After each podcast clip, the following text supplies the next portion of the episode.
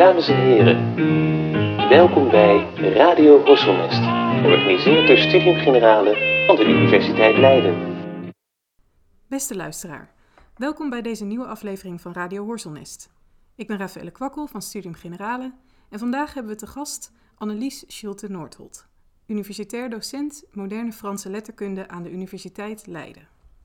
Annelies publiceert regelmatig in binnen- en buitenland over Marcel Proust, Maurice Blanchot, Georges Perec en andere moderne en hedendaagse Franse auteurs.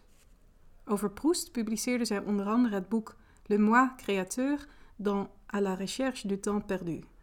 Over de Frans-Joodse literatuur van na de oorlog verscheen Perec, Modiano, Rachimov, La génération d'après et la mémoire de la Shoah. Momenteel gaat haar onderzoek over literaire representaties van Parijs in de naoorlogse Franse literatuur, in het bijzonder bij Georges Perec. Eerder deze maand verscheen haar meest recente boek over Perec, Georges Perec et ses lieux de mémoire. Ook is Annelies voorzitter van de Marcel Proust Vereniging en redactielid van Marcel Proust Aujourd'hui en van Relief, een digitaal tijdschrift over Franse literatuur. Bezoekers van de Studium Generale lezingen hebben bovendien eerder kunnen genieten van De Bloemen van het Kwaad, Charles Baudelaire in Nederland. Een digitale tentoonstelling die Annelies samenstelde en waarbij zij in oktober 2021 voor Studium Generale een lezingenreeks organiseerde. Wie deze lezingen gemist heeft, heeft geluk. De opnames zijn nog terug te zien via de Studium Generale website. Vandaag praat ik met Annelies over Op zoek naar de verloren tijd van Marcel Proust. Proust overleed in 1922 en daarom worden er in 2022 allerlei activiteiten georganiseerd om Proust te herdenken. Voor Studium Generale organiseert Annelies opnieuw een lezingenreeks met verschillende gastsprekers, die elk over een ander aspect van Op zoek naar de verloren tijd zullen vertellen. In deze podcast zal Annelies ons vast inwijden in deze 3000 pagina's stellende roman, evenals in de Proust-verfilming Le Temps Retrouvé door de Chileens-Franse filmmaker Raoul Ruiz. Ook zullen we al een beetje een indruk krijgen van Annelies' eigen onderzoek naar Proust en op zoek naar de verloren tijd. Annelies, van harte welkom. Dankjewel. Nou, dan beginnen we maar even bij het begin. Wat was je eerste eigen kennismaking met Proust? Uh, wat, uh, dan moet ik even op mijn papier kijken. De, de, echte vraag is natuurlijk wanneer en hoe maakte je zelf kennis met Proust? Ja, uh, ik was, uh, als kind zat ik op een Franse school. En dus vanaf mijn vierde jaar deed ik mijn hele schoolopleiding in het Frans. En daar hoorde bij dat als je in de vijfde klas van, van de middelbare school, dan werd Proust je voorgeschoteld. En dus we kregen het hele eerste hoofdstuk van het eerste deel, dus Combray, het eerste deel van, uh, de, côté, van de kant van Swan. Uh, daar kregen wij een hele reeks, kregen we lessen over. En dat vonden veel, veel leerlingen lastig. Ik vond het meteen prachtig. ik vond het meteen prachtig. Waarom? Het waren toen, ik heb proberen me terug te bedenken wat ik er toen nou zo leuk aan vond, of zo mooi aan vond.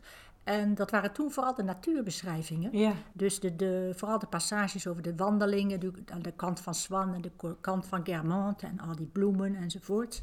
en de hele ervaring, de manier waarop dat beschreven werd natuurlijk, ook de zinnen, de, Ja. de, hele, de, de beelden ook. Dat was één ding. En daarnaast gaat dat eerste deel, zoals je weet, gaat over de kindertijd. Ja, dus over een klein jongetje en hoe die de wereld ervaart. En dat was ook iets wat me toen aansprak.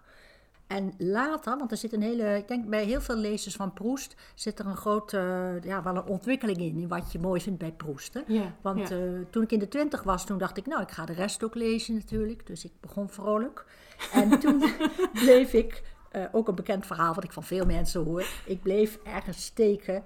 Ik weet niet meer goed. Ik denk in de kant van de Guermantes. De kant van de Guermantes, dat is een deel ergens in het midden, twee delen zelfs. En dat gaat voornamelijk over het mondaine leven, over de beau monde eh, van de Belle Époque rond de eeuwwisseling. En het zijn heel veel lange salonscènes. ja, ja. En, eh, nou ja, en ik was in de twintig, ik denk achteraf gezien, het sprak me niet aan. Ik kon daar niks mee. Met al die, de subtiliteit van die, de analyses daar van intermenselijke relaties en jaloezie, al die dingen. Het was gewoon nog niet, het raakte me toen nog helemaal niet. Nee. Dus toen ben ik er weer een tijdje mee opgehouden, natuurlijk later weer begonnen enzovoorts. En inmiddels was ik zelf, had ik me, eh, was ik echt professioneel met de Franse letterkunde bezig gegaan, in het onderwijs en het onderzoek. En toen pas eh, kreeg ik echt, heb ik het helemaal uitgelezen. toen was ik in de dertig, denk ik, minstens. Ja, Dus het heeft wel even geduurd. En eh, nou ja, in die tijd was het voornamelijk de, de kunstfilosofie van Proust, die me bezig is gaan houden. Omdat ik ook altijd wel veel met filosofie heb opgehad. En, en langzamerhand kreeg ik ook eindelijk in de gaten wat die moderne scènes nou zo leuk maakten. En ook het geestige van Proust. Hè, dus de, hoe, die, hoe die al die ja, mensen van adel bespot en hun manier van spreken enzovoort. Du- dus het heeft al lange ontwikkeling meegaan. Ik ben misschien nog niet klaar daarmee. Nee, het is, het is een roman die je ook steeds weer herleest misschien. Of begon je dan wel, eh, toen je dus dan al wat ouder was, wel meteen met het tweede deel van de roman? Omdat je Combray en, en de kant van Swanne had gelezen? Of begin je dan weer bij het begin? als je Ja, meestal wel. Ja. Juist omdat ik die, het eerste deel altijd zo mooi had gevonden, begon ik dan weer, weer bij Comberij. Dus het was altijd wel, een, wel weer een meerjarenproject. Ja, ja, Zo ja, want was dat. 3000 pagina's, dat is ook wel iets waar je echt voor moet Ja. gaan zitten. Of wat je avond aan avond toch wel moet doen. Of op je nachtkastje moet leggen. En je hebt net al even kort gezegd dat eh, je noemt dan de kant van Germant, de kant van Swan. De roman bestaat uit meerdere delen. En, maar het is wel één roman. Toch? Mhm. Zeker. Ja. Proust heeft hem altijd bedoeld, daarom heeft hij ook één overkoepelende titel, Ja. Op zoek naar de verloren tijd. Ehm, oh, en de, de eenheidsfactor van het boek is natuurlijk de hoofdpersoon voornamelijk. Hè? Ja. Ehm, maar dat neemt niet weg dat hij eh, ook bij, tijdens Proests leven, de eerste editie, die telde meer dan twintig kleine, dunne deeltjes. Ja, Zoiets, ja. Later is dat natuurlijk meest, nu is het, eh, het zijn er zeven. Ook in de Nederlandse vertaling zijn er zeven delen. Sommige zijn heel dik en andere iets minder. Ja. En, eh, hè, dus het valt wel uiteen in verschillende delen. Maar Proust zelf had het liefst gewild dat het in één deel uitgegeven zou ja, worden. dat zou echt En een dat heeft hij aan het begin ook al bij de geclaimd, bij de uitgever, die er niet over piekerde. Nee, en Want het het is ook nooit gebeurd. Er is nooit een Nee. 3000 pagina Dat is nooit gebeurd. Nee. Ehm, ja. Nou, dan moet ik even... Maar in ieder geval niet zo. eh, Nee. ja, hij, Nee, ook de als hij er is, dan valt hij niet echt op tussen alle ehm, bundels van delen misschien. Nou, er is, zijn, er is een Franse dundruk, eh, natuurlijk de, de, de Pleiade van Gallimard, ja. die als de standaardeditie eigenlijk wordt beschouwd. Eh, maar die, ook die was altijd eerst in drie delen, later werd hij in vier, omdat er meer, eh, meer kladversies en voorversies van de roman en meer documentatie bij kwam. Maar ook dat zijn, zijn die dundrukdelen hebben ook elk zo duizend pagina's natuurlijk. Ja, ja, Dus, ja. Ja. En Proust had dus Dus heel duidelijk zelf ideeën over de roman en hoe die uitgegeven moest worden. Wie Ja. was hij zelf eigenlijk? Wat weten we van Proust? ja, nou, je hebt er net al gezegd, hij stierf in 1922. Ja, Hij werd geboren in 1871. Dus hij zat eigenlijk precies tussen twee eeuwen in. Ja, tussen de 19e en, en de 20e eeuw. Ehm, de jonge Proest heeft heel lang een heel intensief modern leven geleid. ja, Eh, hij, hij wist al heel jong, waarschijnlijk omdat hij zo geestig en entertaining was, wist hij al vrij snel, toen hij 16, 17 jaar kreeg hij al ingang in hele chique salons. Maar hij zelf was namelijk van de burgerij. ja. Kijk, ja. in, in de roman van Proest, eh, het is heel erg een, een, een standenmaatschappij. hè? Mhm. Dus je hebt de burgerij aan de ene kant, en die kan heel rijk zijn, maar ze stellen nog niets voor in de ogen van de adel. De Nee, oude ja. Franse adel van voor de Franse revolutie. Eh, maar zoals ik zeg, Proest eh, wist wel dus ingang te krijgen in al die briljante salons. Zijn familie was heel well-to-do, dus hij heeft nooit hoeven werken. Het verhaal gaat dat hij één keer gesolliciteerd heeft en aangenomen is in de bibliotheek, ergens in Parijs. En daar heeft hij drie dagen uitgehouden. Drie dagen. Ja. Oké. ja. Dus goed, hij heeft lange tijd eh, heeft hij, eh, inderdaad dat intensieve moderne leven ge- geleid. Maar dat betekent niet eh, dat hij al die tijd niks uitvoerde. Nee. Ook niet dat hij, omdat hij geen baan had. Hè? Maar dat betekent niet dat hij niets, eh, niets deed. Hij heeft eigenlijk al heel jong, van jongs af aan, heeft hij geschreven. Dus heel verschillende dingen. eh, van nou, artikelen, eh proza-gedichten is hij mee begonnen. Die ja. zijn op een gegeven moment in tijdschriften gepubliceerd. Literaire kritiek. Eh, Ruskin, The Stones Ja. of Venice. Hè, een Ja. belangrijk kunsthistorisch werk heeft hij eh, uit het Engels vertaald. Daar gaat ook een mooi verhaal bij dat Proust amper Engels kende. Maar hij vond Ruskin zo mooi. En hij had een vriendin die goed Engels kende. Aha. En die kon hem vertellen wat erin sta, stond. En met haar samen maakte hij, vormde hij dat dan om tot een mooie, Goh. ja, een mooie Franse tekst. Die dus eigenlijk een soort Ruskin-Proust Ja, ja, eh, ja. is eigenlijk. Hè? Dus daar is hij lang intensief mee bezig geweest. En hij is aan een, eh, in, in, toen hij in de twintig was aan zijn eerste roman begonnen. Ja. Dat is een roman Jean Santeuil, een beetje autobiografische roman van honderden, bijna 900 pagina's. Maar die nooit is afgekomen en ook nooit gepubliceerd, want hij is vastgelopen Ja, in ja, die ja. roman. Dus eh, hij bleef bezig. En in die zin is hij heel anders, is het heel wat anders dan... men heeft lang gedacht, omdat hij zoveel in die salons rondhing, dat hij eigenlijk alleen maar een mondaine figuur was. ja, dat hij niet zoveel Nee. uitvoerde. En Nee. daarom werd hij dus ook niet serieus genomen. nee. En, en dat kwam ook omdat zijn hoofdpersoon in de recherche eh, natuurlijk wel hè, eh, een, een beetje een leegloper, zou je kunnen zeggen, is. Hè? Ja, ja. Het is een, een figuur die eh, eigenlijk niets anders, alleen zijn sociale leven, daar gaat het om. Ja. Zijn liefdesleven en zijn sociale leven. Maar verder, eh, het schrijven, daar gaat natuurlijk het hele boek om, dat hij vanaf het begin af aan die, eh, die ambitie heeft tot schrijven. Maar die, die roeping heeft, maar de, de roeping duurt eigenlijk 3000 pagina's. En pas aan het einde heeft hij eindelijk zo'n ingeving van, nu weet ik waar dat boek over moet gaan. Ja. Heel lang eh, in Combray ook, dan loopt hij door de bossen te wandelen en hij zegt van, ja, waar moet mijn boek over gaan? En dan slaat hij met zijn stok in de struik en roept, zuut, zuut, zuut. Ja. Ja. En eh, dat komt allemaal pas aan het eind. En ik denk dat dat beeld, de hoofdpersoon, dat is eigenlijk het beeld van Proest zelf, van de schrijver, ook een beetje gaan bepalen bij het publiek. Ja, ja. die zijn ook gaan denken van. En daar kwam bij dat Proest nog eh, ook mondaine chroniekjes schreef in de krant. Want hij ging naar al die feesten toe en dan schreef hij de volgende morgen een artikeltje in de Figaro. Oh, En van, eh, nou, eh, welke die en die dames waren er, die en die namen. Want dat, Ja, daar ja, ging het om. Was je daar gezien? ja. En, en die hadden die en die en die jurken, die beschreef hij dan in detail enzovoorts. En wij zeggen nu dat Proest natuurlijk toen al intensief bezig was tijdens die, al die middagen en die matinees en die mondaine feesten met observeren ja, absoluut. van al die details Ja. die daarna natuurlijk allemaal in zijn boek terechtkwamen. Ja. Eh, Maar als je maar dat de tijdgenoten, weet... Ja. precies, de tijdgenoten die zeiden, ja, iemand die zulke mondaine stukjes schrijft in de Figaro, dat kan geen serieuze schrijver zijn. Nee, dat is een, iemand die nu voor de privé schrijft, die dan over twintig jaar ineens een groot romancier blijkt te zijn geweest. Precies, Ja. precies. Ja, dus dat, nou ja, en goed, dat heeft hij lang volgehouden. Ja. Dat, dat eh, schrijven, maar eigenlijk nooit, eh, hij wist ook nooit zo goed, moest het een roman of moest het een filosofisch essay worden? Ja, Daar heeft het ja. ook lang tussen.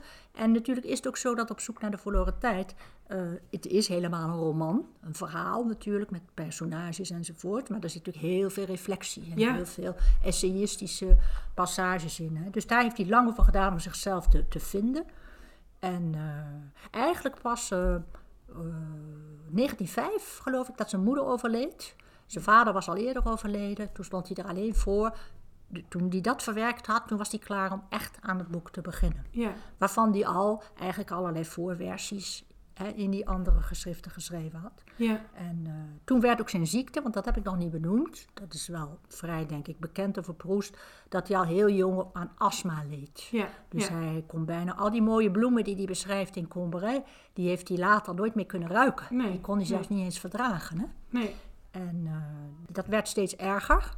En op een gegeven moment eh, heeft hij zich die ziekte. Het wordt ook wel gezegd dat hij die ziekte heeft aangewend om zich terug te trekken uit dat sociale leven. dus zo... toen is hij verder in zijn huis en in zijn kamer gebleven. Ja. Hij was ook overgevoelig voor geluid. Dat is ook Ja. zo'n bekend verhaal voor Proest. Dat hij zijn kamer met kurk heeft laten bekleden. Zodat hij de straatgeluiden niet meer hoorde. Nee, nou waren ja. de straatgeluiden toen natuurlijk veel nog erger dan nu. Ja, Met al die rijtuigen over de straatsteden enzovoort. ja, En dus vanaf dat moment eh, bleef hij in die kamer en vooral ook op zijn bed.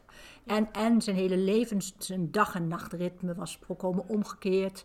Eh, hij sliep overdag en hij werkte s'nachts. En dat maakte elk sociaal leven eigenlijk ook al onmogelijk. ja. En toen ja. is hij zo intensief begonnen met schrijven. Maar toen, het eerste deel kwam uit in 1913, de kant van Swan.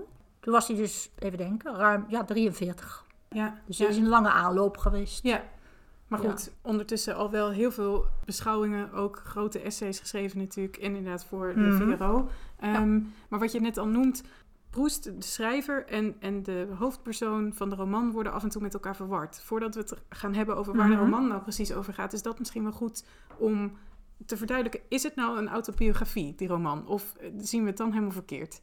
Ja, nee, dat is een hele goede vraag die ook heel vaak gesteld wordt. ik heb hem pas ook weer aan student gesteld. Ja, Een beetje een eh, strikvraag. Ik stelde de vraag, is de recherche, een autobiografie, een roman of memoires. Ja. Maar één goed antwoord mogelijk. Oeh. Want ze konden niet zeggen van nou, het is dat allemaal. nee. Ja. Dat was natuurlijk dan een beetje makkelijk. Eh, het is een ingewikkelde kwestie, want eh, de hoofdpersoon van de roman heeft, heeft geen naam. Het is alleen een, een, een, ik-figuur. Ja. En ehm, hij heeft ook heel weinig, kin- eh, weinig kenmerken eigenlijk. We weten eigenlijk nee. helemaal niet hoe hij eruit ziet. Nee. Krijgen- we krijgen nergens een portret, in ieder geval een fysiek portret eh, krijgen we niet van hem. Wel eh leren we al gauw dat het een jonge man uit de goede burgerij is, met al jong schrijversambities, eh, hypergevoelig, Ja. hele intense emoties natuurlijk, van diep, diep verdriet tot eh hemelhoogjuichzend, laten we maar zeggen. Hè? Eh, dus, dus al dat soort dingen wel. Maar er is dus een vreemd contrast tussen die hoofdpersoon, zonder naam, en dan al die andere personages met Ja. hele typerende namen en hele sterke portretten. Maar toch is hij natuurlijk het middelpunt. Hè, Het gaat om hem, het gaat om zijn ontwikkelingsgang. Ehm, maar omdat hij geen naam heeft, daarom wordt, wordt hij meestal dus de verteller genoemd. Ja. Ja. omdat hij tegelijkertijd, en dat is ook een beetje het ingewikkelde, eh, tegelijkertijd is hij de hoofdpersoon, dus hij beleeft het allemaal. En tegelijkertijd is hij ook degene die zichzelf continu observeert en ook het verhaal vertelt. Dus hij is hoofdpersoon en verteller eh, tegelijkertijd. Maar Ja. dus nu de kwestie van die autobiografie. Proest heeft enorm veel van zichzelf in die hoofdpersoon gelegd. Maar hij valt er helemaal niet mee samen. Nee. Eh, ja. En dat is misschien ook de reden dat hij daar geen naam aangegeven heeft. Want hij heeft echt een autonoom personage willen, willen creëren. Dus er is veel meer wat hij mee heeft gemaakt dat je wel zou kunnen herleiden. Hè? Van wat de hoofdpersoon meemaakt tot, eh, tot dingen in het, in het leven van Proest. Maar, maar ook weer helemaal niet. Hè? Nee, Want, want die hoofdpersoon uit de roman, het is een katholiek gezin. Er zijn vaak ook in Combray, ze vieren katholieke feestdagen. Er zijn veel katholieke beelden ook die gebruikt worden. Ja. Ehm, eh, hij is heteroseksueel. Hij wordt verliefd op het ene meisje na het andere. Gilbert en later Albertine enzovoort. Eh, dat, dat heeft allemaal dus heel weinig te maken met wat we van Proest zelf weten. Waarvan eh, de moeder Joods was, dus hij was half, half Joods. En, en zijn liefdesleven was overwegend homoseksueel. Ja. Ja. Dus, dus op die manier heeft hij zich er echt... Door een roman te schrijven heeft hij afstand van zichzelf willen nemen. Ja. Ja. En, en er is ook veel van zichzelf eh, dat hij in andere personages heeft gelegd. Oh ja? In Swan bijvoorbeeld. Ah. Ja, Ja. ja. de liefde Ja. van Swan, daar ligt de hele jaloezie eh, van Swan en al het leed eh, wat hij doormaakt. Dat zijn heel veel ja, dingen Daar die zou hij ook doorleefd wel- zijn. Ja, ja, precies. Maar goed, dat doet er eigenlijk niet heel veel toe in zekere zin. Ja. Maar wat Nou ja, jij dat is vraag wel, ja, ja. dat is wel interessant wat je nu zegt. Dat doet er in zekere zin misschien helemaal niet zo heel veel toe. Proest vond dat zelf ook belangrijk, toch? Om te benadrukken dat, dat het er misschien helemaal niet zoveel toe deed... in hoeverre die roman nou op zijn eigen leven gebaseerd was. Nee, hij wilde juist dat, dat, dat, dat, het daar, eh, dat niemand daar meer over zou Nee. hebben. Ja, Hè, het punt was natuurlijk toen het boek uitkwam, eh, toen is precies dat door de critici gezegd. ja, ja. Van, nou, het interesseert ons niks. De roman begint, eh, voor wie hem niet kent, met een man, een naamloze man die in zijn bed ligt en tussen waken en slapen in. Hè? Ja, Dat is de openingsscène. En er was een criticus toen, ik weet niet meer van welke krant. En die zei, ja, wat kan ons dat schelen, wat Proest in zijn bed niet in slaap kan komen. en al dat gemijmer van hem en dat gezeur. en zo ging dat door. Ja. En dan waren er dus, dus er waren mensen die is autobiografie. Ja. En dan waren er andere mensen die zeiden, ja, maar ik zit, ik ben die Duchesse de Guermantes. Je hebt mij afgebeeld daarin. En dat heb je niet gedaan, zo ben ik niet. Oh, Dat ja, ja, ja. Of ze klaagden dat ze er niet in stonden. nee, dat was is natuurlijk nog nog erger, erger, eigenlijk Hè. Dus het heeft heel lang geduurd. Heel lang werd het als memoires of iets autobiografisch gezien. ja. Eh, het heeft heel lang geduurd. Eigenlijk heeft er, hebben er tientallen jaren, er heeft een generatie overheen moeten gaan. Die heeft moeten overlijden, zodat niemand meer wist wie het allemaal waren. Nee, precies. wel? Ja, En toen werd het langzamerhand echt wel eh, als, als een roman gezien. ja, ja. Dus, En dan is er een literatuurcriticus en die vat heel kort samen waar die 3000 pagina's nou over gaan. Je schrijft daar ook over, over Jeannette. Eh, de, ja, dus een Franse criticus uit de jaren zestig is dat. eh, Oké, ja, dat is echt nog wel weer wat later. Ja, veel, veel later dan toen. Je kunt zeggen dat vanaf de jaren 60 Proest eigenlijk in het centrum van de aandacht van literaire theoretici en critici kwam te staan in Frankrijk. Het werd een beetje als het model gezien van de, van de moderne roman. Is een soort, soort schoolvoorbeeld. En eh, inderdaad, Gérard Genet, die had die, die onsterfelijke zin van, nou, waar gaat uh, Proest over?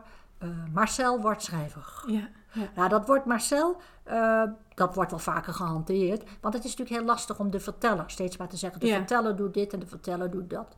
Dus Marcel zeggen is niet verboden. Nee, maar een Al- beetje, ja. Ja, precies. Ja, je gaat natuurlijk wel in de richting van toch te zeggen dat, dat de hoofdpersoon sterk op Proust lijkt. Ja. Maar dat, dat deed met Jeannette was dat eigenlijk niet het geval. Eh, hij legde daarbij de nadruk op door te zeggen, maar het hele boek gaat over een, een man die schrijver Ja. wordt. Hè. Ja. Daarmee legde hij natuurlijk de nadruk op de kant van het verhaal die gaat over hoe, hoe iemand een, een schrijversroeping heeft. Ja, Hè? ja. Dus, en hoe dat aan het begin, hoe dat begint, hoe dat verder gaat, die ambities, en hoe er aan het eind. eh, dat zit in die zin ook, eh, Marcel wordt schrijver. Hij is het aan het begin niet, hij Nee. wil het worden. En helemaal aan het eind, in de hervonden tijd, dan is hij het ineens geworden. Ja, dan lukt het. Want dan staat hij Dan aan het begin, het. Dan weet hij hoe zijn roman eruit zal zien. En eh, vanaf dat moment eh, is hij schrijver geworden. Dus dat was een beetje een manier om het als een, een, een beeldingsroman te zien. Ja, En dat ja. is de post natuurlijk ook. Ja. Hè? Het staat wel in de lijn met andere eh Bildungsromanen van die... Ja, zeker omdat in dat eerste deel al, nou ja, wat je beschreef, dat de verteller daar als jong jongetje al erg bezig is met, met het observeren van zijn omgeving en, en literatuur lezen. En Mhm. dan door die ervaring van dat lezen toch denkt, ik wil ook gaan schrijven of ik wil ook kunnen uitdrukken wat ik ervaar. Ja, nu, nu eh, verwijs je naar een hele mooie scène, geloof ik. ehm, waar hij in de tuin een boek zit te lezen. Ja, precies. ja, precies. Als een jongen van, nou dat is niet zo duidelijk, 12, 13 jaar of zo, dan brengt hij hele middagen door in de tuin Ja. met de romans. Eh, en dan eh, ervaart hij wat het is om helemaal te worden eh, opgeslokt door de romanwereld. Hè, waardoor je niet meer weet waar je bent en wie je bent. En, maar je wordt, je wordt dat romanpersonage. Ja. hè. Dus het gaat Ja. ook over die hele, dat mysterieuze van je, je identificeren met personages en met het leven. Dat leven, zegt hij dan, dat is zoveel malen boeiender dan het gewone leven natuurlijk. Hè? En, en, tuin inderdaad, misschien heb je wel gelijk, dat hij vanaf dat moment...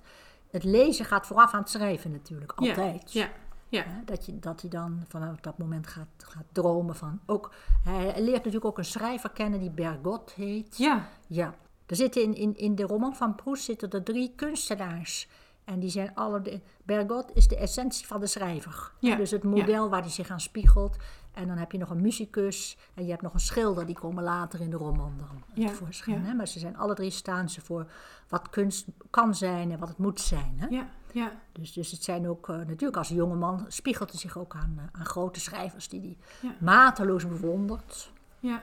Dat zijn ook hele grappige beschrijvingen hoe hij dweept met Bergot. en eh, die Bergot heeft een hele decadente fin de siècle stijl. Ja, ja, ja. En Waar je als lezer wel om lacht. Ja, En, en Proust, toen hij volwassen was, natuurlijk ook. ook. Ja, Ja. ja. Precies, ja. Ja, en in die zin, dat, dat haakt ook in op wat je eerder zei over dat de roman natuurlijk ook een, aan, echt wel een roman is, maar ook allerlei eh, bespiegelingen bevat. Mhm. Over dus inderdaad eh, allerlei kunstvormen, van literatuur tot schilderkunst en muziek. Ja. Er zit ook in dat eerste deel toch een moment dat hij dan, dan beschrijft de, het, het jonge jongetje, dat wandelt dan weer door het landschap en dan komt hij langs de Vivonne, de, die fictieve rivier. En dan daar de waterlelies. Toen ik dat las, toen dacht ik, ja, maar dit is, dit is Monet.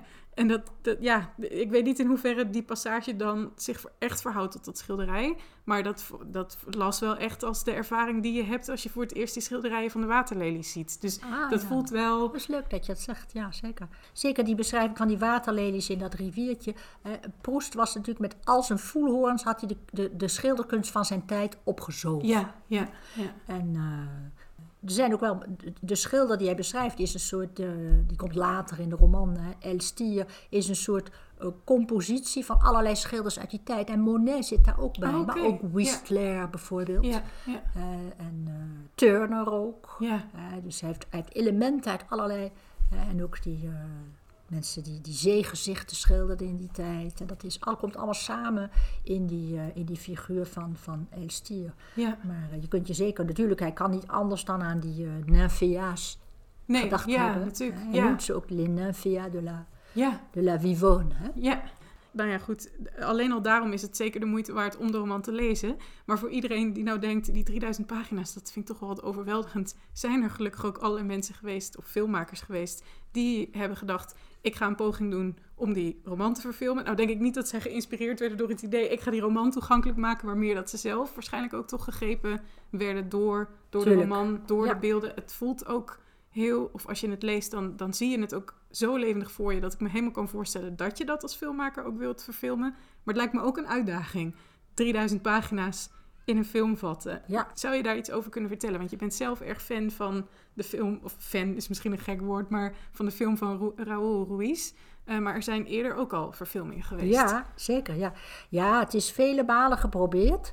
Ik las let- net toch in de trein, zat ik het persdossier van die film van Ruiz eventjes weer in te kijken. Ja. En daar waren meerdere artikelen die als titel hadden... Een onverfilmbare roman, vraagteken. Ja, ja, Maar ik zal eerst inderdaad, laten we het eerst over die vroegere verfilming hebben. ja. Van, eh, van Volker Sleundorf Ja. was dat. Volker Sleundorf, dat is een Duitse regisseur, maar die zeer francofoon en francofiel was. Die zelfs lange tijd in Frankrijk volgens mij ook gewerkt heeft. ja. En inderdaad, het is alleen maar uit liefde voor Proest Ja. waarschijnlijk dat hij daaraan eh, aan begonnen is.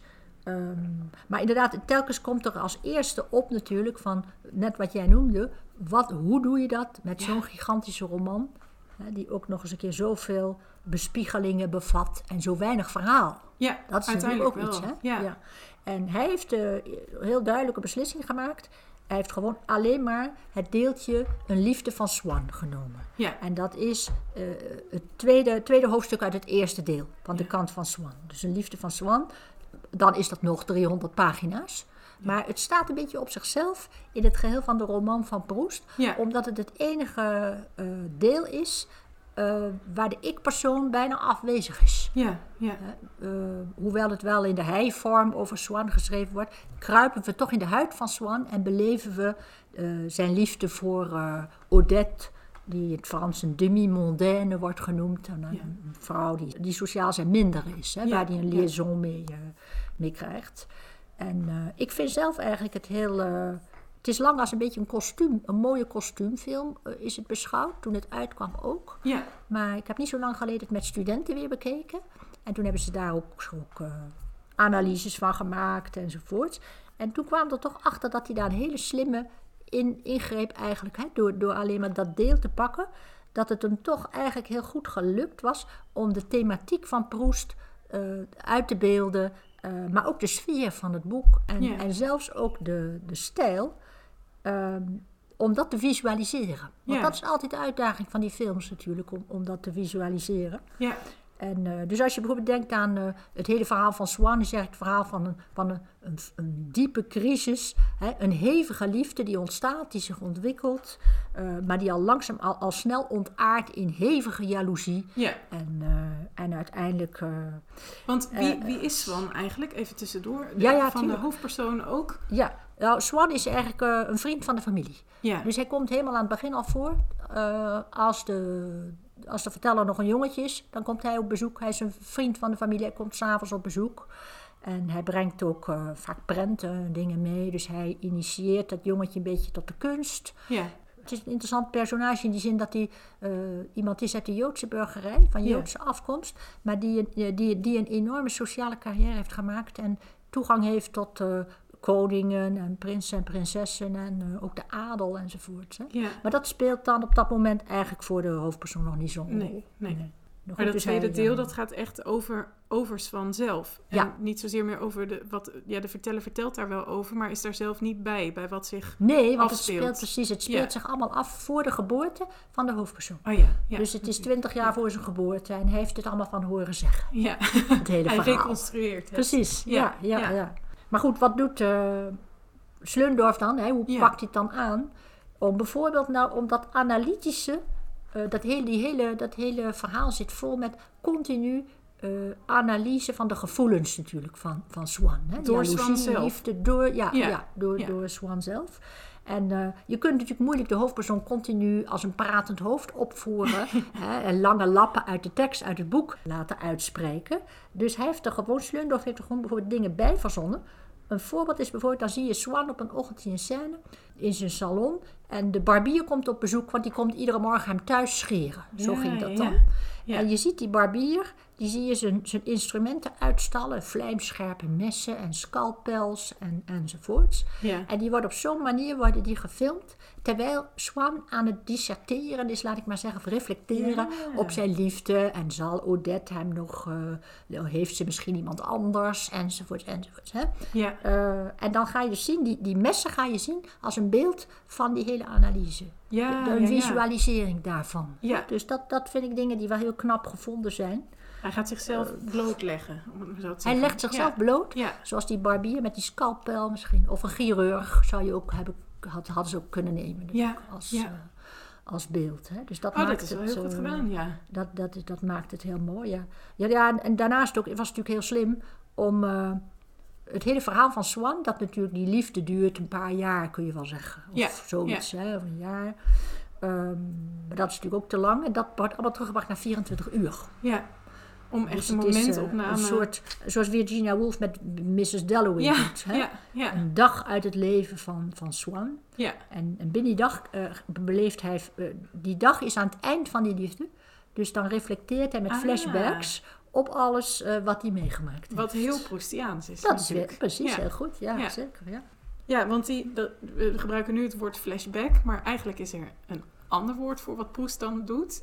Dat heet een onwillekeurige herinnering. Mhm. In het Nederlands dan, maar in het Ja. Frans is het... eh, Een souvenir involontaire. Ja, dat is altijd mooier.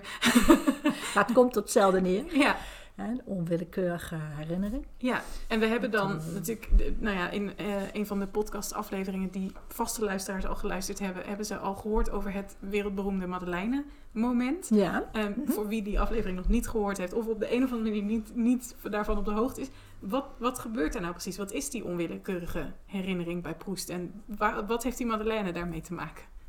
Ja, dat is een goede vraag. Een scène ook uit het eerste deel Ja, is dat. Hè? ja. Dus het, eh, maar het is wel een scène waar de, de hoofdpersoon eigenlijk als volwassen... Hè? Hij is volwassen, eh, maar hij bevindt zich in een beetje... Het is een sombere dag, het regent en hij is in de put. Want het, eh, hij had altijd het idee dat hij schrijver wilde worden, maar... Er komt niks van de grond, of het is koud. Hij komt thuis en zijn moeder zegt, wil je een kopje thee? Ja. Ja, hij zegt thee vind ik eigenlijk helemaal niet lekker.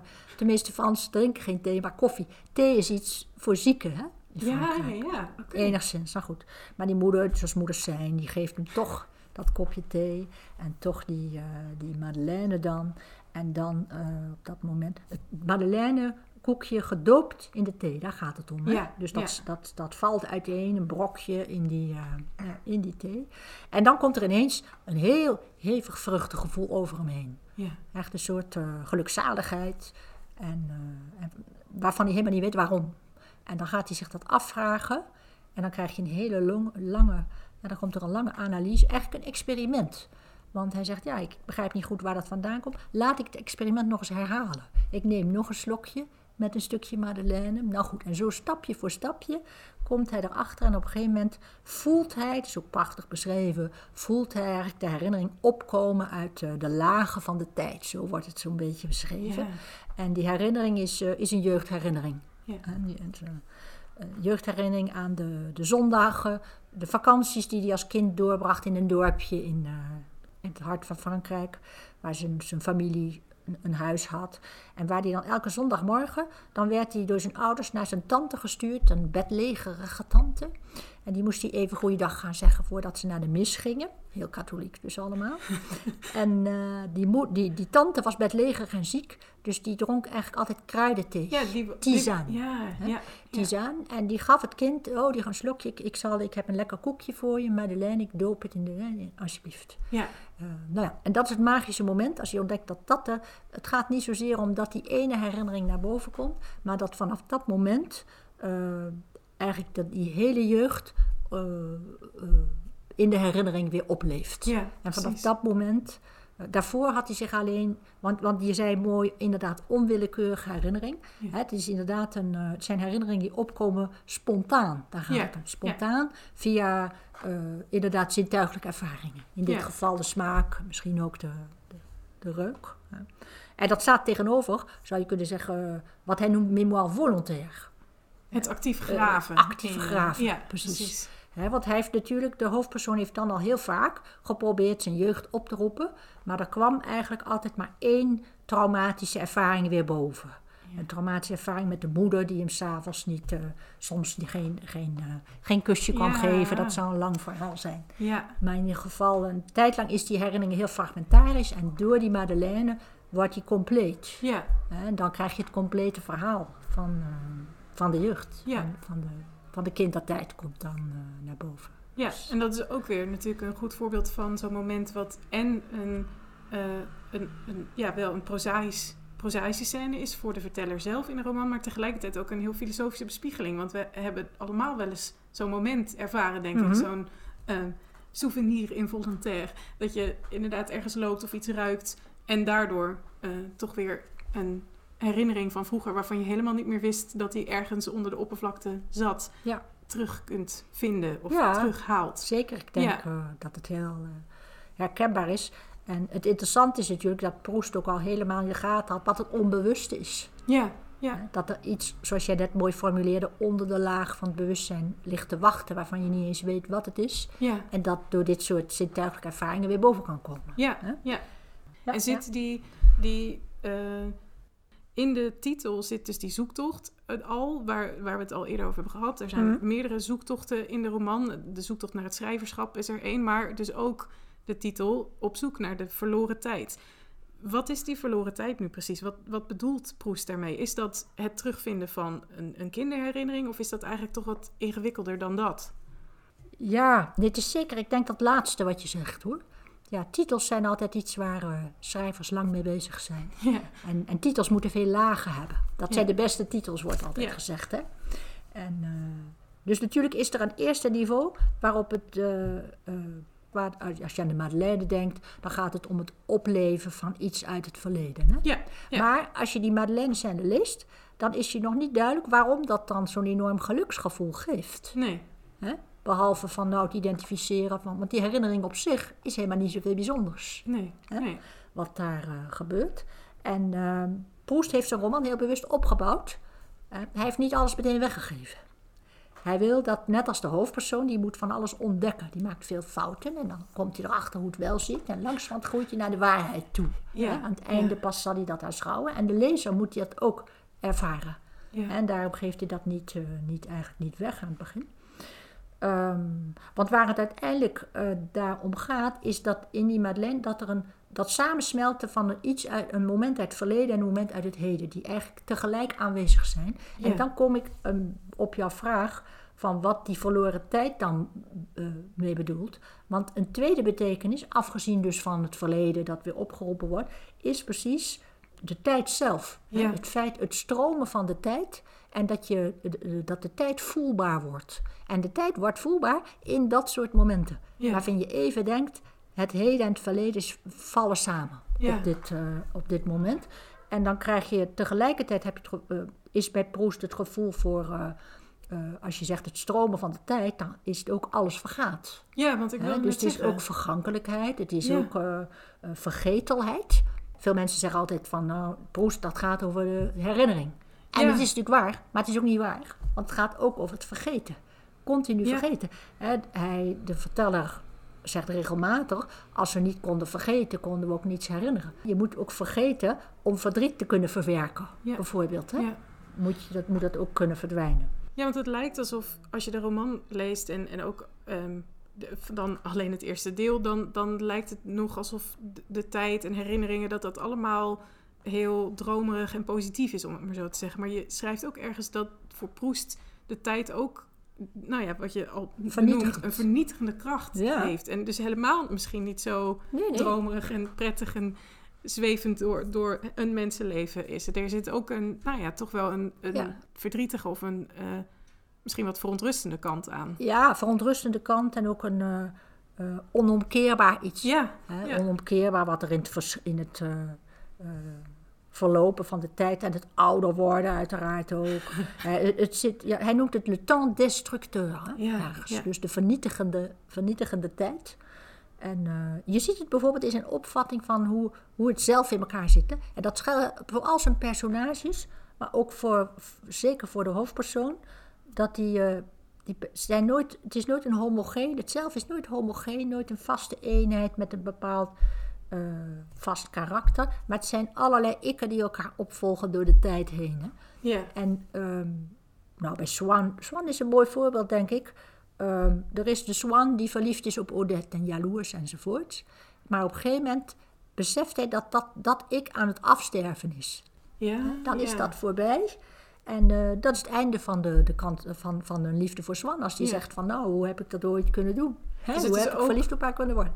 Dus het is een soort je kritisch kunnen verhouden tot jezelf en dan ook kunnen, kunnen ervaren dat je niet maar één, één iemand bent. Je bent niet alleen maar die persoon die verliefd is op die ander, maar je bent ook de, de eh, vriend van de familie van de verteller. Of eh, je bent iemand die, in het, die eerder iemand anders was dan in het moment nu. Moeten we het zo? Dat denk ik eerder. Want Ja. hij ziet gewoon de mens als een opeenvolging van, op, van opeenvolgende eh gestaltes. Ja. En die eh, gestaltes volgen elkaar op. En die hij volgen de vorige dan ook weer op. ja, ja, ja. Ja. Dus dan dus is er het is eerst klaar de, ja, precies, de verliefde zwan. En op een gegeven moment die falls out of love, zoals de Engelsen zeggen. En eh, dan is die vorige is eigenlijk een afgestorven eh, iets waar die niets meer... dat is niet meer relevant. Nee. Speelt gewoon geen enkele rol mee.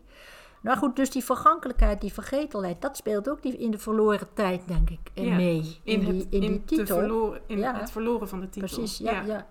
En eh, het wonderlijk is dan, vind ik, dat dat een soort voorwaarde is voor eh, het ontstaan van een kunstwerk. En daarom is die hele Madeleine-ervaring ook zo belangrijk. Dat samenvallen van heden en verleden. Dan merkt als hij eenmaal dat besef heeft van dat, eh, van dat samenvallen van die twee momenten, dan hè, dat is de, de wet waaruit een kunstwerk voort kan komen. Kun je daar iets meer over vertellen? Eh, ik kan misschien beter een citaatje voorlezen. Ehm, dat zit ook ergens in, de, in het laatste deel. Waar hij mediteert op, nou, wat is het nou, het boek nou dat ik wil gaan schrijven? Hè? Wat zou het, het kunstwerk moeten zijn? Hoe kan dat ontstaan? En dan zegt hij het volgende. Ik zeg, de verteller, dat de harde wet van de kunst is dat mensen sterven en dat wij zelf sterven. Sterven, opdat het gras niet van de vergetelheid, maar van het eeuwig leven groeien zal. Dus wij sterven opdat eh, het gras van de, het eeuwig leven groeien zal. Het dichte gras van vruchtbare werken. Dus vruchtbare kunstwerken. Hè? Ja.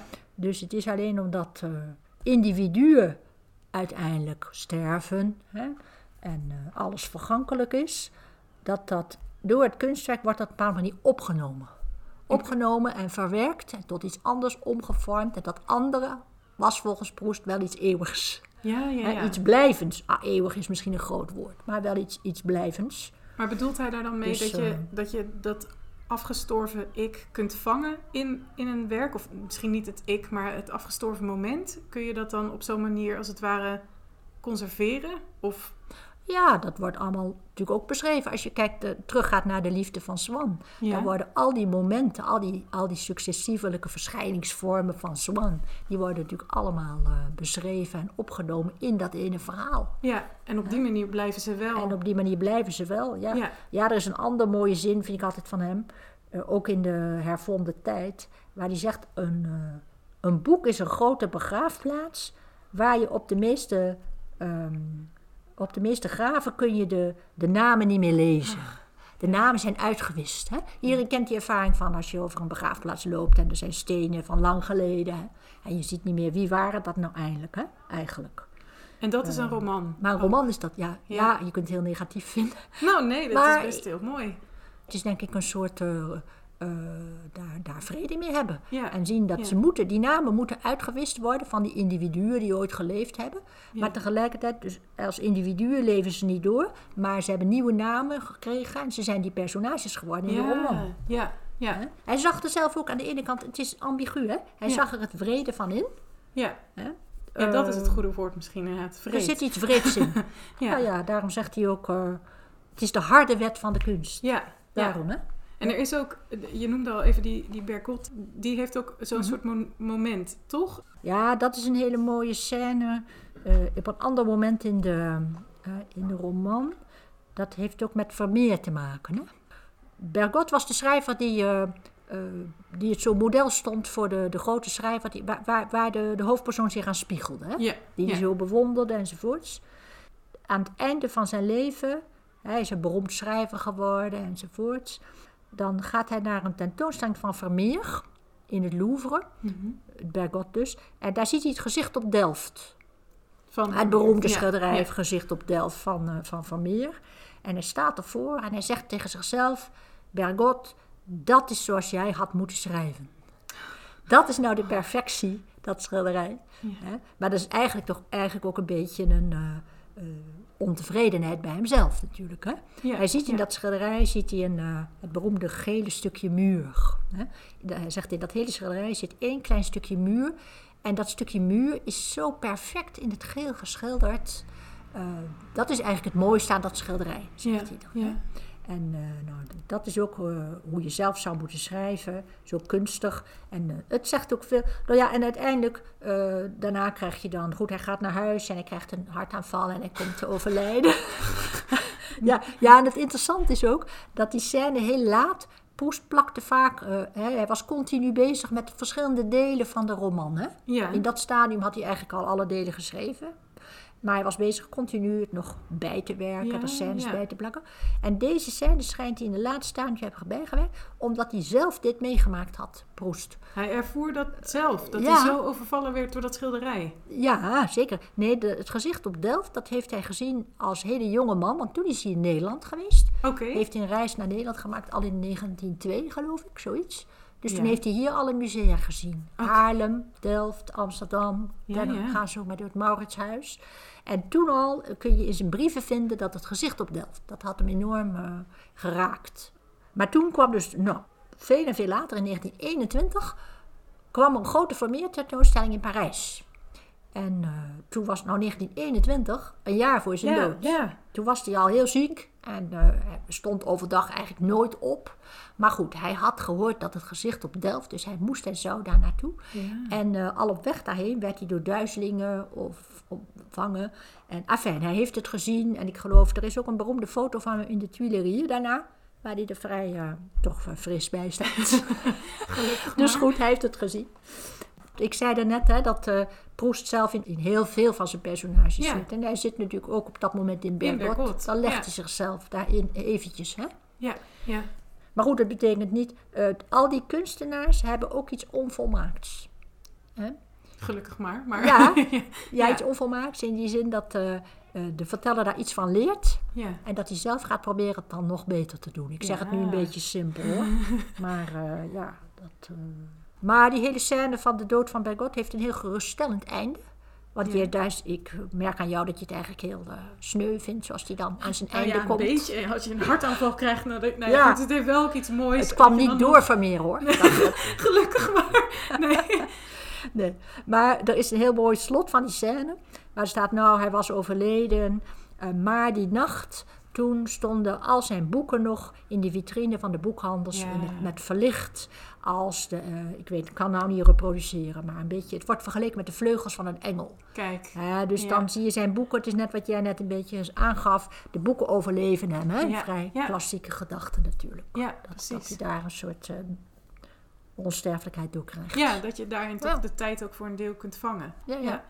Ja. En dan eh, die, die verfilming van Raoul Ruiz. Toen we het hadden over de podcastopname, toen zei je... dat is nou wel echt een heel mooie verfilming van de roman... die, eh, nou ja, die ook wel een goed beeld geeft van, van de roman... aan mensen die de roman zelf niet hebben gelezen. Wat, wat spreekt je zo aan aan die verfilming? Ja, ik vind die verfilming van eh Raoul Ruiz vind ik eigenlijk nog beter dan die van Sleundorf. Ja, Ja. Ook hij heeft een hele mooie keuze gemaakt. Ik zei net, Sleundorf heeft gekozen, ik doe alleen de liefde van Swan. Ruiz heeft, eh, de film heet De Hervonden Tijd, of De Tijd Hervonden, maakt Ja. niet uit. Maar zoals je weet is dat de titel van het laatste deel van Ja, Proest. ja. En dat, eh, dat is ook, ook zo, dat hij gekozen heeft voor het laatste deel.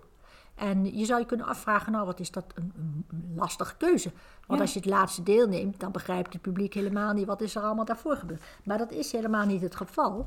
Want dat is juist het, eh, vind ik, de geniale zet van hem. ja, Hij neemt dat laatste deel en gaat van daaruit teruggrijpen naar allerlei sleutelmomenten in, de- in de roman. dus eigenlijk zoals Proest zelf ook. Ja, deed. Hij werkt dus ook weer met flashbacks, of liever gezegd met souvenir, volontair en involontair. Ja. Dat maakt niet zo heel veel uit. Uh, maar op die manier lukt het hem om, om echt de herinnering, de werking daarvan te verfilmen. Hoe doet hij dat dan? Uh, ja, uh, kijk, Raúl Ruiz is, is een, een van oorsprong Zuid-Amerikaanse filmmaker. En, en, veel van zijn andere films kun je een beetje in het magisch realisme zien. Ja. Dus hij heeft een, een soort wereldvisie waar de werkelijkheid en dromen vloeien eigenlijk al continu in elkaar over. Mm -hmm. Ook in die andere films van hem. En dat is hier ook het geval. En de, de, de film leent zich bij uitstek natuurlijk. He, je kunt op, in een film kun je het heden en het verleden kun je heel gemakkelijk in elkaar over laten vloeien. Je kunt Ja. al die associaties kun je vrij eh, gemakkelijk laten zien. Ik moet even een voorbeeld nemen, denk ik, dat dat het beste is. We hadden het er net over die openingsscène van de roman. Hè? Ja. Daar heb je de hoofdpersoon, die ligt in zijn bed en hij, hij kan niet in slaap komen. Hij zit tussen waken en dromen in. En dan op een gegeven moment, als hij ontwaakt uit een van die sluimerslaapjes... dan heb je een mooie zin waar hij zegt... nou, op dat moment wist ik totaal niet meer waar ik was... en ook niet, niet in welke kamer van mijn leven... Hè? Want ik heb Ja. zoveel kamers geslapen. En in welke kamer zit ik dan eigenlijk? Ik wist niet meer waar ik in de ruimte stond. En ook niet op welk moment van mijn leven. Was ik nou dat kind waarvan dat bang was dat zijn haar geknipt ging worden? Bijvoorbeeld zegt hij. Of ben ik die, eh, die rijpe man die verliefd is op Gilberte met haar straks uit wandelen op dineren moet gaan? Ja. Enzovoort. Dus alles loopt volkomen door elkaar daar. Hè? En dat is iets, nou dat heeft hij bijvoorbeeld ook, Ruiz, dat zit in die film ook aan het begin. Ja. Het begin is ook wel eh, typerend. Hij heeft voor de, voor, laat ik zeggen, Marcel, voor de hoofdpersoon, heeft hij een acteur gevonden die sprekend op Proest leek.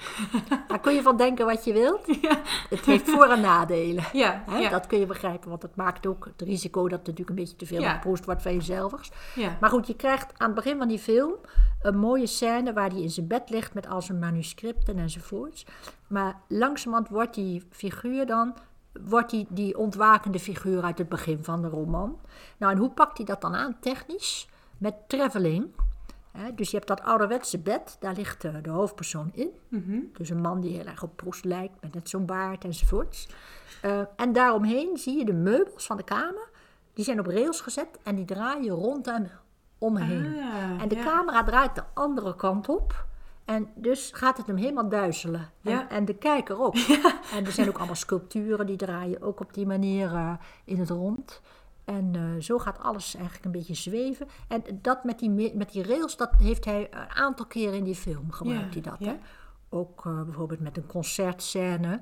Waar, ehm, daar heb je bijvoorbeeld eh, nou, een recital, een piano recital met een violist.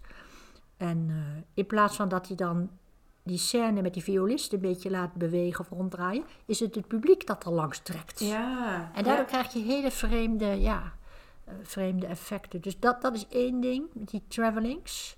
Over het algemeen, ehm, die onwillekeurige herinneringen, die weet hij ook te verfilmen door heden en verleden te laten samenvloeien. Hè. Daar kan ik misschien ook een voorbeeld van geven. Op het ene moment zie je een klein jongetje, Ja. de hoofdpersoon, met zijn toverlantaarn. Ja. Een scène ook uit het eerste deel. En eh, het andere moment zie je dat jongetje naar een raam lopen. Dat raam gaat open. En je denkt, nou, wat zal hij zien door dat raam? Maar wat gebeurt daar? Op het volgende moment zweeft hij door het raam naar beneden. Naar de binnenplaats. En op die binnenplaats, daar blijkt dan, komt hij ineens het meisje Gilbert tegen. Ja, het meisje ja. Gilbert is zijn eerste liefde. Ja. Maar het vreemdste is dan nog dat hij dan ineens ziet hij zichzelf staan als een jonge man. Ja. Dus daar zie je tegelijkertijd kind en de jonge man van 20, Ja. die met andere vrienden daar vrolijk op de foto gaat. Dus door dat zweven wordt natuurlijk een volkomen bovennatuurlijke, surrealistische sfeer gecreëerd. Hè? ja. Ja. Maar Dus wel dat- dat goed zijn- die ervaring van, van, van die herinnering die dat kan zijn. Dan nu misschien in omgekeerde beweging, in de zin Ja. dat je vooruit kijkt. Maar er zijn inderdaad toch ook momenten in de film. eh, ik heb hem natuurlijk op jouw aanraden gekeken. En Ja, dan ja. is dat Ja. de- de- die, in die laatste scène, dan komt hij die Gilberte weer tegen. Mhm. Als oudere dame, maar hij kan haar niet zo zien. Dus hij ziet een jongere variant van haar. Ja. Toch? Ja, ja, dat is ook een mooi goeie- moment. Een goed voorbeeld wat je hier noemt. Dat is een scène die inderdaad in dat slotdeel de hervonden tijd zit. Ja. Dat wordt afgesloten door een enorm bal. Een enorm bal waar alle personages nog eens een keer eh, tevoorschijn komen. maar het is allemaal wel al na de Eerste Wereldoorlog. Dus we zitten al heel laat in de tijd. En eh, al die mensen zijn ouder geworden. En hij heeft ze heel lang niet meer gezien, Marcel. En eh, de meeste mensen herkent hij niet meer. En daarom heeft hij het gevoel dat ze maskers op hebben. Ja, Maskers van oude mannen en oude vrouwen. Maar eigenlijk zijn ze dat niet. En datzelfde geldt voor, inderdaad voor Gilbert. Ja, ja, En dan zie je een andere techniek die hij gebruikt. Die geloof ik overflow heet. Ja. Of zoiets. Als je het een in het andere laat smelten. Dus je ziet inderdaad haar, eh, even denken, oude gezicht versmelt in het jongere. Ja. En, en dan weer terug. Ja. Of zo, zoiets dergelijks. Hè? Er wordt heen en weer gegaan tussen de, de vrouw die hij gekend heeft. De mooie jonge vrouw. En de, en de oude vrouw. Dan gebeurt er nog iets geks als ik me nu herinner. Want dan komt hij nog een hele jonge mooie vrouw tegen.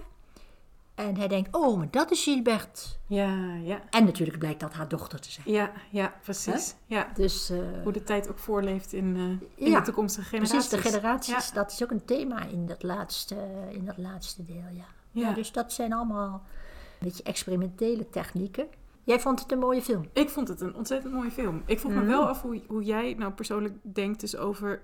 Ik kwam in, in een van de stukken die ik las over de film in de New Yorker, geloof ik, tegen dat de recensent toen zei... Oh, ik zou zo graag eh, niet de roman al hebben gelezen. En ik ben een beetje... Ik benijd de mensen die, die nog helemaal niks weten van, van de roman... en die dan nu de film kijken. Ah. Zelf vond ik het wel fijn om wel iets van aanknopingspunten te hebben. En dus iets te weten van waar ik nou naar keek. Omdat Ja. je dan toch bepaalde dingen misschien iets beter kunt plaatsen. Mhm. Zou jij mensen ook aanraden om wel even een synopsis te lezen? Of nou ja, nu hebben ze deze podcast geluisterd. Dat helpt denk ik ook. Dan weet je ook waar je naar kijkt.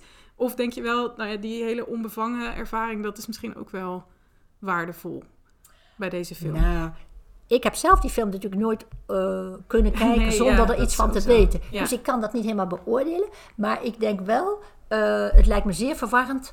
eh, dat lees je ook wel in de kritiek hoor. Van, Ja, zeer verwarrend om het te zien en helemaal niets van de verhaallijn en personages van Proest. Want, want het wordt nooit duidelijk hoe die personages heten. Wie zijn het nou eigenlijk? eh, Wat dat zijn ze van elkaar? Wat Ja. gebeurt er? Enzovoort. Ik denk dat je dan wel helemaal wordt... Je moet natuurlijk... eh, Ja, sommige mensen vinden het heerlijk om opgeslokt te worden in een soort uh, weerwar van schitterende beelden. Een stroom Ja. van prachtige beelden is het natuurlijk dan wel. Hè? En dat maar is dan het zeker. ben je ja. natuurlijk toch wel... Uh, het heeft natuurlijk wel een verfilming van Proest willen zijn. Ja, ja. Dus nee, ik zou toch eerder aanraden om eerst een synopsis te bekijken. Van het in ieder geval van de film. Of, of van de roman zelf. Uh, dat is ook... Uh, de meeste edities van Proust die hebben achterin een soort resume. Wat er gebeurt. Is ook Ja, makkelijk. Ja, ja. Ja, ik denk dat dat toch wel een sine qua non is hoor. En het zou de zwakte van de film kunnen zijn. Hè? Ja, maar dat is dan Nee. misschien dus ook wel de, een te... Ja, dan moet je bijna ook een, een tv-serie misschien maken... om echt die hele roman te kunnen verfilmen... en dan alles uit te kunnen leggen aan de kijker. Terwijl een groot voordeel van deze film is natuurlijk ook wel... dat je dus inderdaad, als je wel iets van de roman gelezen hebt... dat je dan dat dromerige heel goed snapt. En inderdaad dat magisch-realistische wat je Mhm. benoemt... dat dat dan een heel leuke... of dat, ja, dat herken je dan. En dan denk je, oh, Ja. wat, wat goed gedaan. Wat gaaf. Ja, ja, nee, Ja. Het, het, Ruiz heeft echt naar mijn idee de, de essentie van de roman. Ja, Heeft hij, en van de, en de, hè, de- dus de werking van de herinnering en het stromen van de tijd. Dat, dat soort dingen heeft hij echt zichtbaar weten te maken. ja. En dat is het grote verschil met tv-serie. Er bestaat een Franse tv-serie die niet Oh, zo... Van Nana Compagnies heet ze, geloof ik. En dat is, zijn vele afleveringen. Dat is in Frankrijk ook best eh, populair geweest. Maar Ja. dat volgt gewoon mooi alle verschillende delen. Oké. En, eh, maar, daar zijn, is, zeg maar dat is filmisch niet echt interessant. Nee, omdat het dus misschien wat... Het is gewoon een Ja. realistische verfilming. Ja, ja, Van. ja. En daardoor mis je natuurlijk ook, omdat je niet eindeloos mensen, zoals ik zei, al pratende hoofden kunt opvoeren. Nee. Eh. Want er zijn natuurlijk bladzijden lang waar de verteller alleen maar aan bespieg aan het nadenken en aan het. eh, ja, eh, dit, en dat, dat is er eigenlijk een beetje uitgehaald uit Ja. de tv-serie. Dus dat zie ik eigenlijk niet vergelijkbaar met Nee. zo'n film hoor. Nee. nee, dat zijn wel twee verschillende dingen. Inderdaad, een, een, eh, iemand die daar iets nieuws mee doet en een eigen interpretatie van maakt. En, en iemand die heel getrouw de roman volgt en dat toch ook ja. Op die manier eh, toegankelijk probeert te maken. Ja, Ja. zeker, ja. En nou ja, we hebben natuurlijk ook benoemd, het is het, het, is het Proestjaar dit jaar. ja. Ehm, we gaan natuurlijk die Studium Generale lezingenreeks doen, maar je hebt zelf misschien ook wel allerlei andere activiteiten. Ja, het Proestjaar eh, wordt ten eerste, moet ik zeggen, dat dat in Frankrijk enorm Ja. gevierd wordt op het ogenblik. ja? Eigenlijk zijn ze er al een jaar mee bezig. Volgens mij zijn ze al iets eerder gewoon begonnen, omdat ze zoveel wilden doen. Ja, er zijn echt eh, gigantisch veel. Er zijn congressen, maar vooral ook twee grote tentoonstellingen voor Proest in Parijs Ja. geweest. De ene was in het Musée Carnavalet, dat ging over Proest en Parijs. Dus dat was het Parijs van Proest. Ja. En eh, de hele topografie van de roman. Ik- Het was een hele mooie tentoonstelling. Op het ogenblik in het Joods Cultureel eh, Kunstmuseum is er een tentoonstelling over Proest. Eh, dat heet Proest aan de kant van de moeder. En ik noemde het geloof ik al even, de moeder, was, de moeder van Proest was Joods. Ja. En eh, daarom ook het Joods Museum heeft heel aandacht aan de, ja, de, de Joodse kant van de, van, van de familie. Dus je ziet daar ook een soort stamboom van, eh, van de moederlijke kant van de familie. En van allerlei thema's in de roman ook die, je- die je daarmee zou kunnen verbinden. Zoals Ja. het verhaal van Esther bijvoorbeeld, wat ook Ja. een bijbelboek is. Nou, zo zou ik meer voorbeelden kunnen noemen. Ja. Maar in Frankrijk wordt er gigantisch veel aan gedaan. In Nederland eh, dragen we er ook een steentje aan bij. Inderdaad, met de serie die jullie eh, organiseren. Maar daarnaast kan ik ook nog noemen, dat Nederland eh, kent ook een Marcel Proest vereniging. Ja. En dat is een literaire vereniging van mensen die dol zijn op Proest. en eh, daar zit ik van in het bestuur met een aantal collega's. En daar zijn we nu bezig om een, een mooie Proestdag, een soort lustrum te organiseren. Straks in, no- in, in november 2022 houden wij een dag in, in Zaandam. Zaandam, daar is de muziekhaven. De muziekhaven, dat is een schuilkerk die eh, het bezit is van, eh, van, een aantal, van, van muzici. En eh, daar houden we een dag met een lezing van een muzikoloog, die heet Leo Samama. En dat is een Leo Samama, afijn, die is bekend van de Studium Generale. en, maar die is een groot specialist ook op van de Franse muziek van Ja. het eind van de 19e eeuw. Dus dit is een kolfje naar zijn hand. Gaat eh, daar een mooie lezing over houden. En smiddags komt er dan een concert door Maria en Natalia Milstein. Ja. Dat zijn een pianist en een violiste. En die hebben een paar jaar geleden een cd gemaakt en dat heet De Zin van Vinteuil. En eh Vinteuil is namelijk de componist van Proust van de, in de Recherche du Temps Perdu. Ja. De figuur van de muzikus. Ja, Hè, en- als Swan ja. verliefd wordt op eh, Odette, dan hebben zij samen ook een muzikaal zinnetje. En dat zinnetje wordt eigenlijk het embleem van hun liefde. En dat is een zinnetje door de componist Vinteuil. Nou, en Natalia en eh, Maria Milstein hebben een heel jaar gewerkt aan allerlei vioolsonates, die allemaal, naar hun idee, eh, iets eh, waar dat zinnetje in zou kunnen zitten. Ja, zo letterlijk hebben ze het niet gezien. Ja, maar, ja. César Franck zat erin, Debussy en eh, Pierre Lay. Zo zijn er nog een paar allemaal tijdgenoten eh, van eind 19e eeuw. Dus ze hebben toen die cd gemaakt en het zijn dus muzici met gevoel voor Proest. En daarom hebben ze gevraagd om die middag eh, op 19 november, ja, 19 november, om Ja. dan een concert te geven. En dat wordt dan de, de viering voilà, van die 100 jaar Proest. En ook van, eh, van de Nederlandse Proestvereniging, die dan eh 50 jaar bestaat. En dat is één dag na zijn sterfdatum, toch? Of Dat klopt. ja, Ja, precies. de Dus is sterfdatum op, is op 18 november. Ja, En wij ja. doen dat op, eh, op 19 november. Een echte, echte herdenking. Dus Ja. Een hommage. een hommage. Niet inderdaad. zozeer een herdenking, maar ja. Ja. Dus dat, Nou, wat ontzettend leuk. En dat is dan voor de eh, leden van de vereniging misschien om naar uit te kijken. Maar wij kijken natuurlijk allemaal ook erg uit naar de lezingreeks die daaraan vooraf gaat. En ja, daar is deze nou, die podcast, middag eh, op eh, 19 november zal ook toegankelijk voor publiek zijn. Ja, Kijk, dus Ja, in principe kunnen we afreizen naar Zaandam. dat kan. Ja, Ja, oh, zeker. wat leuk. Ja hoor. Ja, nou dat is dan wel een hele, een hele mooie afsluiting misschien ook voor de lezingenreeks. eh, want die gaat daar natuurlijk aan vooraf. En deze podcast was een mooie introductie tot de lezingenreeks. Eh, ja, die komt in september uit inderdaad. Als mensen hem nu luisteren, dan ehm, kunnen ze zich alvast aanmelden voor de lezingen. Ik eh, verheug me erop. Nou, dankjewel dat je vanmiddag bij ons wilde aanschuiven. We spreken elkaar vast dan in oktober, 6 oktober. Zo is dat. Ja, Dankjewel. Dit was weer een aflevering van Radio Horselnest. Dank u voor het luisteren.